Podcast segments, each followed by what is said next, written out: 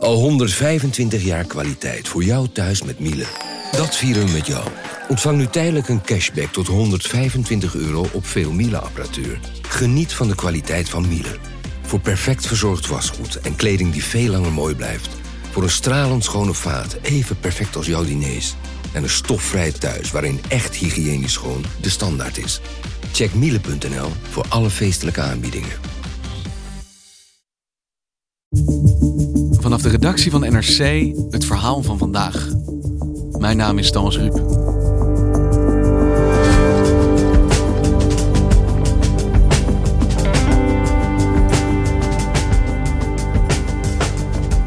Ze noemen zich Fitboys. Steeds meer jonge mannen zijn niet uit de sportschool weg te slaan met één doel voor ogen: het perfecte lichaam. Vetloos, strak en vooral zo gespierd mogelijk. Maar perfectie heeft een prijskaartje.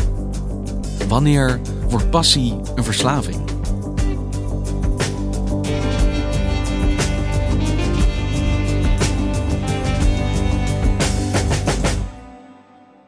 Sommige fitboys die staan al om half vijf ochtends op. En een half uurtje of drie kwartier later nemen ze hun eerste proteïne shake. Joran Bolle is documentairemaker bij NRC en werkt aan dit project met Nina van Hattem en Benjamin Kat. En dan rond een uur of half zes, zes uur staan ze voor de eerste training in de sportschool. Vandaag gaat het roer echt om. Uh, nou, ja, vervolgens is het een uurtje of half acht 's ochtends. Uh, en dan is het weer tijd voor een proteïne shake. En daarnaast een banaantje erdoor. En we mixen het allemaal met gewoon water en geen melk meer, jongens. En dan gaat de fitboy aan zijn ontbijt. Want dit was nog niet zijn ontbijt. Uh, en dat bestaat uit? Het ontbijt bestaat dan bijvoorbeeld uit uh, twee sneetjes bruin brood, uh, twee eetlepels pindakaas, vier hele eieren en vier plakjes magere kalkoen. Hier zit er weer minder vet in. En lekker hoog in eiwitten. Dan kan het zo zijn dat de fitboy naar zijn werk gaat. Voordeel van zo'n blender is, je krijgt er zo'n beker bij. En dat kan je in principe gewoon mee naar werk nemen of mee naar school. Dan heb je gewoon die shake altijd bij je. Meestal wacht je dan totdat het lunch is voordat je weer gaat eten, maar de fitboy niet. Uh, die heeft tussendoor nog even een snack. En dat kan bijvoorbeeld dan een appel zijn en uh, weer twee eetlepels pindakaas. Daarnaast hebben we gewoon de gezonde rijstwafels, de meer granen. Dus zonder uh, zout. Dan is de lunch eindelijk aangebroken. 200 gram kalkoen of kip. Ik ga de kip natuurlijk niet zo droog eten. Ik ga dat met deze groentes doen. 400 gram bruine rijst en 175 gram broccoli. En dan is het weer tijd voor een snack. Nou ja, rond half zes, zes uur is de fitboy klaar met werken thuis en dan gaat hij aan het diner. Nou, dan hebben jij en ik geleerd dat het uh, niet zo goed is om na het diner nog te eten en vlak voor het slapen gaan nog, uh, nog iets naar binnen te werken. Ja. Uh, dat geldt niet voor de Fitboy. Ah. Nee, nee die, die neemt nog een, een lekkere snack. En dan kom je op een dagtotaal van zo'n 5500 calorieën uit. En dat is nou, 2,5 keer zoveel als wat een gemiddelde man op een dag naar binnen zou werken. Allemaal maar om genoeg te kunnen sporten en zijn spieren op te kunnen bouwen. Dus je begint met sporten en de rest van de dag is het ook eten, eten, eten. Ja, het adagium van de Fitboy is eat, train, sleep, repeat. Hey Joram, jij hebt je dus met twee van onze collega's verdiept in deze wereld van de Fitboys. Waarom ben je dat gaan doen? Ja, dat klopt. Samen met uh, Nina van Hattem en uh, Benjamin Kat heb ik de documentaire Ziek gespierd gemaakt. Met eigenlijk als uitgangspunt, wat doen jonge mannen er allemaal voor om het perfecte lichaam te krijgen? En waarom die vraag? Waar wilden jullie antwoord op hebben? Nou, wat, wat ons eigenlijk opviel is dat als je tegenwoordig een beetje op sociale media zit en dan met name YouTube en Instagram, dat er aan één ding bijna niet meer te ontkomen is. En dat is de sixpack. Ik weet niet waar jij aan denkt als ik het woord sixpack zeg. ja, je bedoelt aan rinkelende blikjes of aan een mannenbuik. Ja, precies. Ja, um, laten we zeggen in dit geval de mannenbuik. Ja, nou ja, ik, ik had voordat ik hier, in, uh, hier aan begon en voordat ik veel op social media uh, rond, uh, rond, rond ging struinen, was het bij mij meer die eerste categorie, namelijk die van de blikjes. Maar op social media is dan die tweede categorie, namelijk die mannenbuik, bijna niet te ontkomen. En dat komt omdat er Tegenwoordig uh, zie je op YouTube een hele hoop six-pack challenges. En dan ook van bekende Nederlanders. Van bijvoorbeeld Giel Belen. Uh, van een van de zoontjes van nou ja, soort van bekende Nederlander Dries Roelvink. namelijk Donny Roelvink. Of van bekende YouTubers. En uh, dus, dus, dat was eigenlijk één, één reden om erin te duiken. Dat je dit steeds meer uh, op social media voorbij ziet komen. En een andere reden was dat, uh, dat het ons opviel dat als het over eetstoornissen gaat en over het ideaalbeeld uh, en of je daar aan voldoet of niet, dat het eigenlijk heel vaak over meisjes en over vrouwen gaat die daar al dan niet problemen mee hebben. Mm. En het leek ons sterk dat jongens of mannen daar geen last van hebben. En wat doe je dan als jij deze vraag wil beantwoorden? Hoe ga je op zoek naar deze mensen? Nou, na een, een, zoektocht op Instagram hebben we een aantal fitboys gesproken. En twee daarvan hebben we voor onze documentaire ook daadwerkelijk gevolgd. En dat zijn Chris en Martijn. En wie zijn zij? Nou, Chris is een uh, jongen van 30 uit Rotterdam. Uh, werkt bij de Hogeschool Rotterdam, waarbij hij studenten begeleidt met, uh, met hun studiekeuze. Maar dat zijn niet de enige mensen die hij begeleidt. Hij begeleidt ook online mensen die een beter lichaam willen krijgen. Nou, ik krijg heel veel berichten dat ik eigenlijk als een motivatiebron word gezien. Hij omschrijft zichzelf als online sportcoach en hij laat op Instagram zien wat hij doet aan training en wat voor voeding hij naar binnen werkt om nou ja, zijn volgers te kunnen helpen dat ook te bereiken. Uh, ja, ze zien aan mij dat ik constant bezig ben met fitness eigenlijk. En hoe ziet hij eruit? ja, stel je een onderbroekenmodel voor en daar nog even twee schepjes bovenop qua breedheid. Gewoon een hele stevige, afgetrainde jongen met een uh, nou, flinke borstpartij, grote armen en een, en een duidelijke sixpack. Ik krijg ook best wel vaak de, uh, de opmerking dat ze mijn fysiek of mijn lichaam als een droomlichaam zien, als het ware. En Martijn is 24 en die komt uit Alphen aan de Rijn, waar hij werkt als handhaver bij de gemeente. En daarnaast zet hij zijn hele fitnessleven eigenlijk uh, op Instagram. Ja, ik heb uh, inmiddels nu uh, 41.000 volgers, iets meer. En laat ook zijn trainingen zien, wat hij eet. En probeert daar ook eigenlijk mensen mee aan te zetten om ook te gaan trainen. Ja, ik plaats bijna dagelijks filmpjes van hoe, ja, wat voor oefeningen ik doe. Maar ook wat ik dagelijks eet ja, en hoe ik een beetje leef. En zij noemen zichzelf dus ook Fitboys. Hoe zijn zij hierin verzeild geraakt? Ja, bij Chris is dat eigenlijk redelijk organisch gegaan. Die voetbalde vanaf jonge leeftijd en was altijd redelijk atletisch. Op een gegeven moment is hij gestopt met voetballen en hij zocht iets anders. En dat werd krachttraining. En bij Martijn komt het, zoals hij vertelde, veel meer voort uit onzekerheid. Uh, ik kreeg vaak te horen van uh, Martijn, uh, ja, je bent heel dun. Eet je wel genoeg? En toen ging ik tegen mezelf zeggen, ja, ik ben inderdaad misschien wel dun. En ja, sindsdien is het echt voor mij een, eh, een lifestyle geworden. Want meer willen sporten, breder worden, gespierder worden is één ding. Maar ze hebben natuurlijk een heel specifiek ideaalbeeld van hoe afgetraind je wel niet zou moeten zijn. Waar komt dat vandaan, dat verlangen om er zo uit te zien, om zo gespierd te worden? Ja, nou dat, dat kan je eigenlijk al een hele, een hele tijd terugtraceren. Uh, het ideaalbeeld van de man is eigenlijk in het Westen al decennia lang hetzelfde. Kijk maar naar Griekse standbeelden of uh, nou ja, uh, schilderijen uit, uit de klassieke periode, uit de renaissance en later. kijk naar fitnessmodellen vandaag de dag, onder, onderbroekmodellen. Kijk naar filmsterren. Allemaal zien ze er heel erg gespierd uit met die sixpack als een soort van vlag, vlaggenschip. Dus het is eigenlijk niets nieuws. Maar ik denk als je iets meer terug in de tijd gaat, dat je niet zoveel mensen op straat zou zien lopen die dit ideaal ook daadwerkelijk nastreven. Nee, de sixpack aan zich en het streven daarnaar is niet iets nieuws. Wat wel nieuw is, is de hoeveelheid waarin het voorkomt. Uh, je kunt in zekere zin zeggen dat de sixpack is gedemocratiseerd. En dat komt door sociale media met name. Ja, ja en dat is, uh, je ziet op social media zoveel uh, ja, mensen die echt gespierd zijn. En het begint denk ik ook al op jongere leeftijd. Dus het, het, het, lijkt in ieder geval veel bereikbaarder geworden dan het vroeger was. Waardoor ook een hele hoop mensen er naar op zoek gaan en ernaar gaan streven. Dus ik denk wel dat het belangrijker is geworden zeg maar, met de jaren. Op een gegeven moment wordt het voor heel veel mensen wordt het eigenlijk normaal. Dat je een gespierd lichaam moet hebben. Je beschreef net al eventjes een dag gaat het leven van zo'n fitboy. En wat nou hun doel is. Dat je zo afgetraind te raken. Maar hoe ingrijpend is dat voor hun leven? Staat alles hiervan in het teken?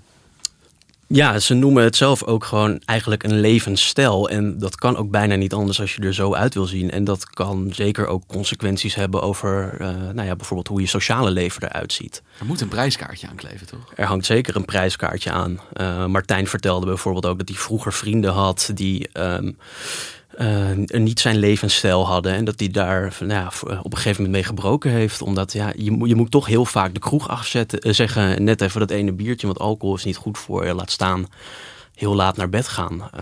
Ja, dat werkt gewoon niet. Dus toen heb ik gezegd tegen bepaalde vrienden van... Ja, sorry jongens, maar als jullie mij niet accepteren dat ik zo sportief ben, ja, dan kan ik niet meer met jullie omgaan. En zo ben ik wel een aantal vrienden verloren inderdaad. Ja. En wat je bij Martijn bijvoorbeeld ook ziet, is die had op een gegeven moment een relatie, vertelde hij. En die, die, in het begin kon hij zijn vriendin ook een beetje meekrijgen in levensstijl. Gingen ze veel samen sporten. Maar op een gegeven moment zag zij dat niet zo erg meer zitten. En dan vertelt hij, uh, ja, op een gegeven moment zei ze, kunnen we niet ook een keertje naar de dierentuin gaan? En toen zei Martijn, ja, we kunnen wel naar de dierentuin gaan, maar dan gaan we eerst sporten en daarna naar de dierentuin. Dus als er dan al activiteiten om dat sporten, uh, naast dat sporten gepland worden, dan worden ze om het sporten heen gepland. En wat deed dat met zijn relatie? Nou, die ging uit op een gegeven moment. Ja, ja dus dat, dat, is, dat is dan wat je ervoor over moet hebben.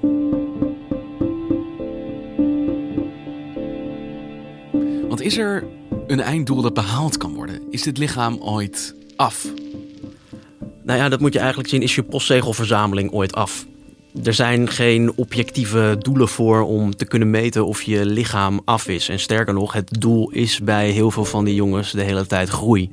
Dus het is, het is eigenlijk nooit af. En wat zeggen artsen hier bijvoorbeeld van?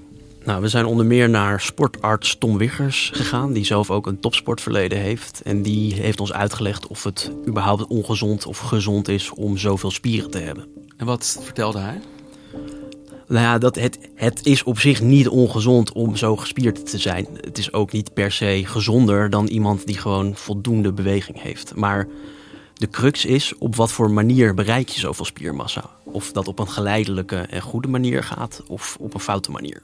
Want is het goed voor je lijf om zo intensief te sporten en op die manier ook te eten en calorieën te verwerken? Ja, het, het genuanceerde NRC-antwoord daarop is: het is niet per se ongezond. Maar het is ook niet, het, het, het is niet dat zij fitter zijn dan jij en ik.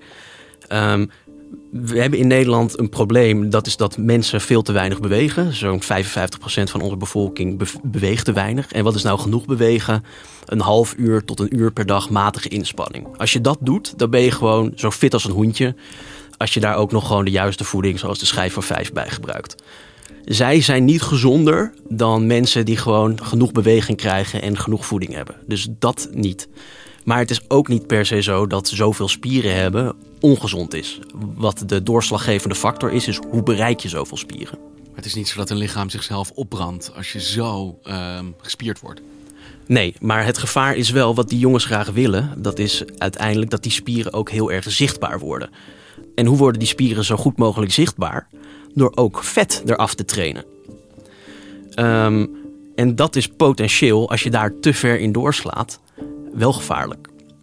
Want wat zijn de gevolgen daarvan? Nou ja, uh, om een zichtbare sixpack te krijgen heb je een vetpercentage van zo'n 10 tot 12 procent nodig.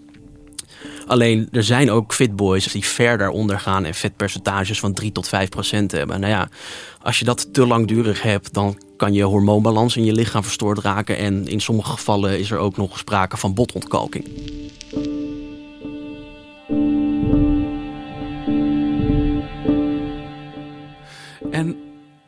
Het was een onderzoek wat jullie begonnen ook naar zelfbeeld. Naar de manier waarop deze mannen naar zichzelf kijken, naar welk ideaal ze hebben. Maar tegelijkertijd zeg je, is het keihard werken voor een lichaam dat nooit af is. Eigenlijk een soort onbereikbare stip op de horizon. Hoe beïnvloedt dat dan hun zelfbeeld? Nou ja, naast de uh, fysieke problemen die je in extreme gevallen uh, uh, ziet, zien we ook dat het bij mannen tot psychische klachten kan leiden wat wij tegen zijn gekomen op een gegeven moment, een jongen waarmee we in contact zijn gekomen, Jorjen. En die wilde eigenlijk vanuit zijn puberteit al zo'n sixpack hebben en een heel gespierd lichaam. En bij hem ja, is dat helemaal verkeerd uitgepakt en heeft het een hele hoop psychische en lichamelijke problemen opgeleverd. De metingen voor ik naar het ziekenhuis werd gestuurd, toen was volgens mij mijn lichaamstemperatuur 33,7 of iets dergelijks. Uh, hartslag ging s'nachts onder de 30, dus we waren bang dat mijn hart ermee ging stoppen. Want wat gebeurde hem? Nou ja, hij keek naar wat hij op social media en om zich heen zag. Uh, en dat was heel vaak het mannelijke ideaalbeeld van heel gespierd zijn. Uh, hij wilde dat heel graag bereiken, maar de manier waarop hij dat probeerde te bereiken was helemaal verkeerd. Hij sportte ontzettend veel en dan moet je denken aan dat hij voor school 15 kilometer ging hardlopen. Hij voetbalde en hij tennissen, dat ging hij dan doen na school. En tussendoor deed hij allemaal sit-ups en push-ups en pull-ups aan de trap. Dus hij was eigenlijk de hele dag alleen maar met sport bezig. Ja, en dat, dat kan op zich wel. Alleen daar moet dan wel de juiste voeding tegenover staan. Dat moet je compenseren. Dat moet je compenseren met voeding. En dat deed hij niet, want hij ging dan op internet zoeken, ja, wat is dan juiste voeding? En dan kwam hij tegen, nou, pizza is ongezond, uh, uh, kaas is ongezond. En dat ging steeds verder, waardoor hij eigenlijk alleen nog maar dingen had uh, die, nou ja, waarvan je zou denken dat die super gezond zijn, maar niet als je die alleen nog maar eet. En het gevolg daarvan was van zijn verkeerde voedingspatroon en zijn extreme sportpatroon, dat hij met anorexia in het ziekenhuis belandde. Het werd gevaarlijk voor hem. Het werd zelfs levensgevaarlijk voor hem, ja. Ik weet ook nog dat ze me in eerste instantie zonder voeding willen geven. Nou, daar was ik helemaal op tegen. Uh, alles wat kunstmatig was, voelde voor mij ook slecht. Toen hebben ze gezegd van, dat is je laatste kans. Uh, je moet nu meer gaan eten. Uh, anders hebben we geen keus, dan moet het. En hoe is het hem vergaan?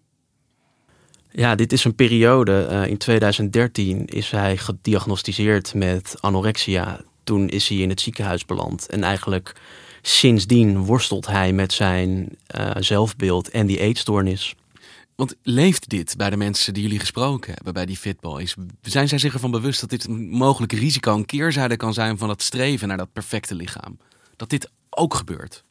Ze zijn zich daar maar in hele beperkte mate van bewust. Ze zeggen wel van, ja, we snappen ook dat het een verkeerd voorbeeld kan zijn. Dat wij ook dat ideaal laten zien. Maar aan de andere kant, wij motiveren mensen ook om juist te gaan sporten. En dat is de andere kant van het verhaal. Dat klopt ook. Alleen daar moet je niet in doorslaan.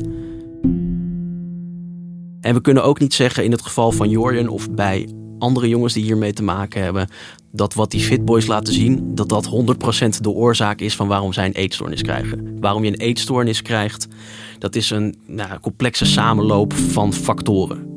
Alleen je kunt wel zeggen dat die beelden die er nu in hele grote getalen op Instagram staan, dat het in ieder geval een trigger kan zijn, waardoor het bij andere jongens wel verkeerd loopt.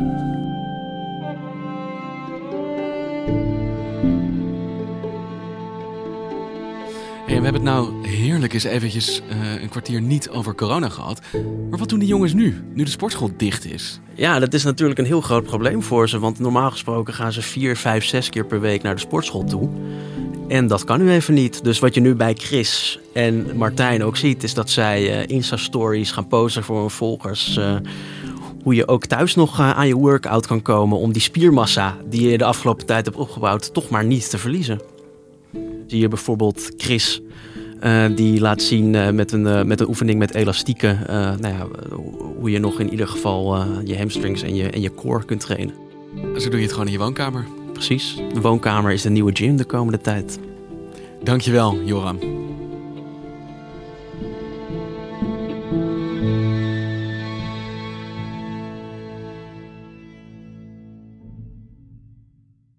Je luistert naar vandaag. We volgen de ontwikkelingen rond het coronavirus natuurlijk op de voet. Zoals de strategie van groepsimmuniteit, die premier Mark Rutte maandag aankondigde in zijn toespraak. En wat ze ons ook zeggen, is dat we in afwachting van een vaccin of medicijn de verspreiding van het virus kunnen afremmen en tegelijkertijd gecontroleerd groepsimmuniteit op kunnen bouwen. Is dit de manier om het virus te stoppen? Ik bel met wetenschapsredacteur Sander Voormolen. Hey Sander, we horen premier Rutte en ook Boris Johnson spreken over groepsimmuniteit. Om de bevolking eigenlijk geleidelijk besmet te laten raken, die dus immuun worden, om dan zo de ziekte in te dammen. Werkt dat? Ja, als mensen dus de ziekte doormaken, dan maken ze antistoffen. En daardoor uh, zijn ze bestand tegen het virus, maar geven ze het ook niet meer door aan anderen. En zolang er uh, heel weinig mensen zijn, dan kan het virus om zich heen grijpen. Maar als er minder uh, mensen bevattelijk zijn voor het virus, dan werkt dat als een soort buffer waar ook de risicovolle groepen van profiteren. En is dit dan ook de oplossing, onze weg uit deze epidemie? Het vervelende is dat uh, zodra je maatregelen gaat nemen, dan uh, rem je ook de verspreiding van het virus en dan gaat het dus minder snel met de ontwikkeling van de groepsimmuniteit. En op een gegeven moment dan uh, gaat dat heel lang duren. En uh, dan moet je niet denken aan, aan een paar maanden, maar uh, dat kan al jaren gaan duren voordat het zover is. Dus het kost gewoon heel veel tijd. Te veel. Ja, het kost echt heel veel tijd, ja. Dus wat denk je dan van de Nederlandse aanpak? Wat moet dat dan worden? Nou ja, in Nederland proberen we natuurlijk uh, het zorgsysteem in stand te houden. Dus te zorgen dat er niet te veel patiënten tegelijk op, uh, op de ziekenhuizen afkomen.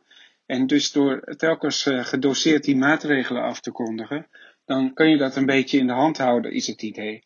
En misschien krijgen we wel een systeem van uh, pompend remmen, wordt dat wel genoemd. Dat je dus iedere keer nieuwe maatregelen neemt als het nodig is, zodat de zorg niet overbelast raakt. Pompend remmen. Ja, dat, dat zal de komende tijd uh, de term worden, schat ik zo in. Dankjewel, Sander. Graag gedaan. Dit was vandaag, morgen weer.